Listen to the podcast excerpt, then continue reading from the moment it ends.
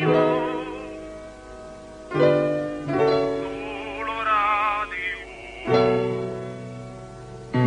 broadcastingnak hívták, s nagyon sok pénzbe került, mikor az első speaker izgatottan a mikrofonhoz ült. Érces hangja felszárnyolt és messzire repült, és egy hallgatóban megszólal, a próba sikerült.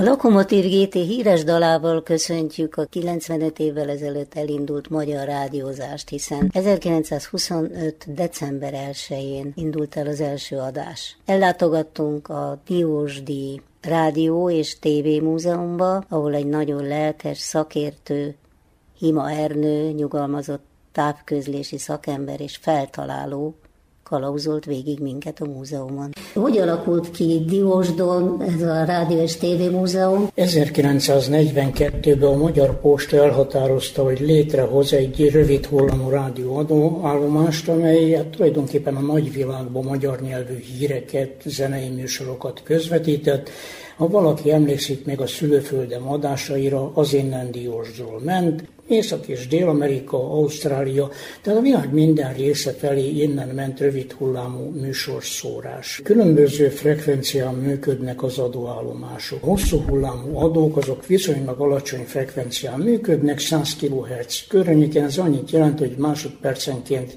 100 ezerszer változtatja irányát, értékét a vívő hullámú frekvencia.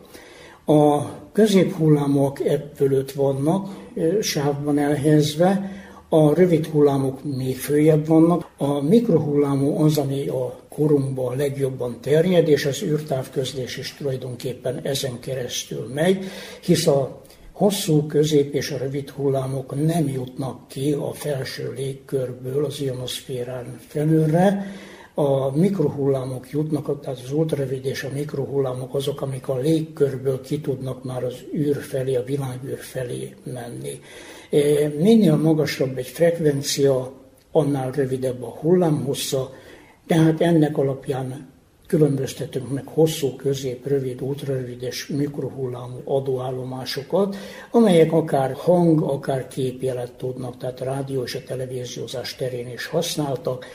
Természetesen ezekbe bele kell érteni az ipari adókat, a különböző katonai felhasználású, rendőrségi felhasználású adókat, tehát igen-igen széles spektrum, ahol rádióadókat használnak. Láttam a kiállításon is, hogy először a, a telefon hírmondó, vagy a telefonon keresztül levő rádiózás? Ez még nem rádiózás, itt még vezetékes ment az információ. Valóban Puskás Tivadar az, aki a telefonhírmondót megalkotta, hisz az első a hírközlésbe a távíró volt, vezetéken, majd vezeték nélkül ugye a szikratávírók, majd később jött a telefon, a telefonnál, amikor már telefonközpontokat is tudtak létesíteni, amit szintén Puskásnak tulajdonítanak, de ez nem egészen igaz, Viszont a telefonhírmondó már valóban Puskás Tivadar nevéhez fűződik minden szempontból. Itt még fizikai alapállamköröknek nevezett, tehát fém vezetőkön ment a hírközlés. Stúdióból mentek a hírek, ment a zene, mentek a, hát nem csak politikai, gazdasági hírek, tőzsdehírek. Tehát ez egy telefonközpont volt tulajdonképpen?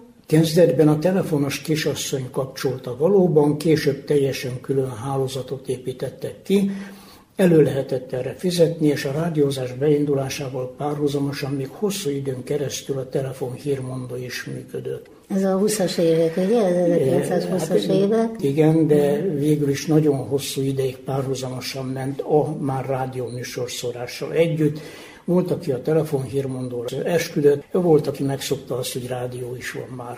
Általában a rádióállomásokat milyen helyre telepítik? A cél mindig az, hogy a lehető legnagyobb területet tudja műsorral ellátni, és ugye itt két dolog van, az egyik a adó teljesítmény, ami meghatározza, hogy milyen hatótávolságra képes eljutni a jel, a másik az elhelyezés, a földrajzi, a fizikai elhelyezés, Itt ugye célszerűen minél magasabb ponton kell elhelyezni, hogy minél nagyobb területen lehessen venni a jelet. A rádiójelek már a fényel analóg módon sugárzódnak le, tehát árnyékolhatók, ezért nyilván, hogy célszerű olyan helyre telepíteni, ahol a adó és a lehetséges vevők között magas hegyek nem fordulnak elő. Az épületről mondjunk egy pár szót. 1942-ben a Magyar Posta elhatározta egy rövid hullámú rádióadó építését, és 48-ban indult az első adás. Akkor még kisebb teljesítményű adókkal, majd egyre fejlesztették az adó teljesítményét, és végül is két darab 100 kW-os rövid hullámú adó működött itt, és ez egészen ugye a magyar műsorszorú rádiózás beindulásától számított a 70. évfordulón alakult át múzeummá, 95-ben. Amikor a tárlatvezetés elindul, akkor általában a földszinten kezdjük, ahol a 100 kW-os adók vannak, és ott az adástechnika egyéb emlékeiről is tudok néhány szót beszélni. Majd följövünk az emeletre, az emelet előterében a háromdimenziós hatalmas térképet látjuk. Békési professzor Nobel-díjas tudósunknak a Nobel-díj átvételét, és utána bejövünk a nagyterembe, ahol a rádióadóállomások működtek, itt viszont a telefon hírmondóval kezdünk, majd a szikratávírót, a első magyarországi rádióadót, egy 250 wattos hátadót tudok ismertetni, és itt a korban, az időben haladunk előre, hogy egyre jobban bele tudunk menni napjaink technikájába, technológiájába is. Beszéljünk egy kicsit többet Békési Györgyről, aki egy Nobel-díjas fizikus volt, Békési úr eh, diplomata szülők gyermekeként nagyon sok országban megfordult diákként, nagyon sok nyelven beszélt. Először kémikus diplomát szerzett, majd fizikaből doktorát. A fizikai doktorátosával a posta kísérleti állomás volt az, amelyik fizikusként alkalmazta, és kapott egy olyan feladatot, hogy az akkor ergonomiailag nagyon gyenge kivitelű telefon kézibeszélőt próbálja meg jobbá tenni, mire ő azt mondta, hogy hát ha már egyszer a hallókészüléket kell neki javítani, ebben az esetben, hogy szeretné tudni, hogy a hallószervünk, a fülünk hogy is működik, és elkezdte kutatni a hallást. Kezdetben állatkoponyákat, később emberi koponyákat is boncolt, feltárta a belső fülnek a szerkezetét, és dr. Vince János biofizika professzor szerint ő volt az első a szó valós értelmébe vett biofizikus, Békési professzor úr. Később ugye akadémiai tagságot is szerzett, a Magyar Tudományos Akadémiának rendes tagja volt, egyetemi tanár, kutatásait is ott végezhette a laboratóriumban. Hallásnak a kutatását végig Magyarországon végezte, de mivel a második világháborúban találatot kapott a laboratórium, és mindene megsemmisült, ezért ő egy stokholmi egyetemi professzori meghívásnak elegettéve elment Stockholmba, erre, ehhez még a posta, a munkáltatója hozzájárult, majd onnan meghívták New Yorkba, amihez már nem járultak hozzá, és sajnos ezt követően megvonták az akadémiai tagságát, megvonták az egyetemi katedrát. Mert Havajba került, az volt a végső állomás, igen. És ott folytatta a kutatásait. A Havai Egyetem volt az, amely a Békési úr nevéhez köthető kiállítási tárgyakat visszaadta Magyarország. Fizikusként orvosi Nobel-díjat kapott. Szó esett Tesláról, Edisonról, illetve Puskás Tivadarról is.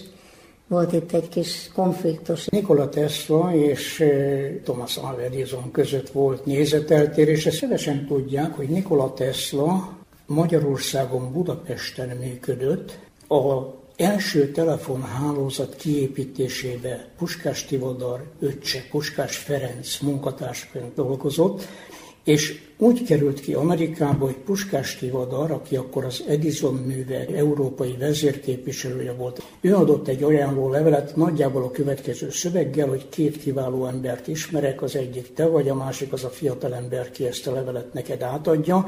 Thomas Alva Edison alkalmazta és Nikola Teslát, de utána az egyenáram, váltóáram más értékelése miatt hát nem tudtak egyességre jutni, sőt kevesen tudják, hogy mindketten Nobel-díjra is lettek jelölve, de sem Edison, sem Tesla nem volt hajlandó a Nobel-bizottság előtt megjelenni akkor, ha a másik fél is ott van. Van-e vége ennek a technikai fejlődés? Én azt hiszem, hogy a következő néhány száz évben még a hírközlésnek a vezetékes és a vezeték nélküli hírközlésnek is van keresni valója a Földön, és van jövője. Arra kérem, hogy ahogy el szokott búcsúzni a látogatóktól, úgy köszönjön el tőlünk. Nagyon szépen köszönöm a látogatást. Azt kérem, ha tetszett, amit láttak, akkor rokonaiknak, jó barátaiknak, jó ismerőseiknek terjesszék a hírünket.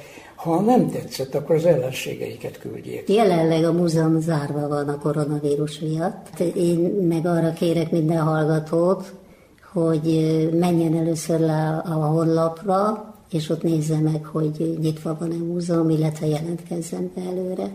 Posta múzeumok, ilyen címen lehet rájutni. Így a Diósdi Rádió és Televízió Múzeum is megtalálható ezen. A szakértő elmondása szerint is van még előre, tehát nem kell bánkódnunk azon, ha elveszítünk egy-egy frekvenciát, hiszen a rádió technikai fejlődése igen nagy teret biztosít még a rádiózás számára. Torda Judit interjúját hallották.